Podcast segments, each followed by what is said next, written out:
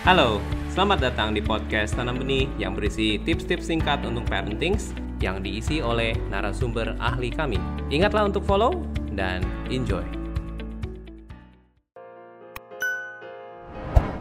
Pernah nggak kedatangan tamu yang bawa anak kira-kira usia 3-5 tahun, kemudian di rumah kita dia lompat-lompat di atas sofa kita, buka-buka kulkas, masuk ke kamar kita tanpa izin?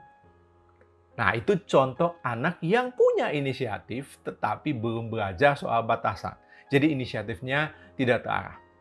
Batasan itu paling sedikit ada tiga. Ya, saya akan jelaskan cepat saja. Batasan yang pertama adalah batasan moral. Ini benar, ini salah. Ya, yang kedua adalah batasan tata krama. Ini sopan, ini tidak sopan. Yang ketiga adalah batasan bahaya. Ini aman, ini berbahaya. Nah, ajarkan anak di usia mulai 3 tahun batasan yang hitam putih karena mereka belum bisa melihat area abu-abu. Nah, kalau misalnya anak melanggar batasan, ya langsung aja angkat anaknya. Ya, tidak perlu banyak diocehin, ya. Misalnya, misalnya anak uh, nyerobot antrian karena udah pengen banget dapat giliran.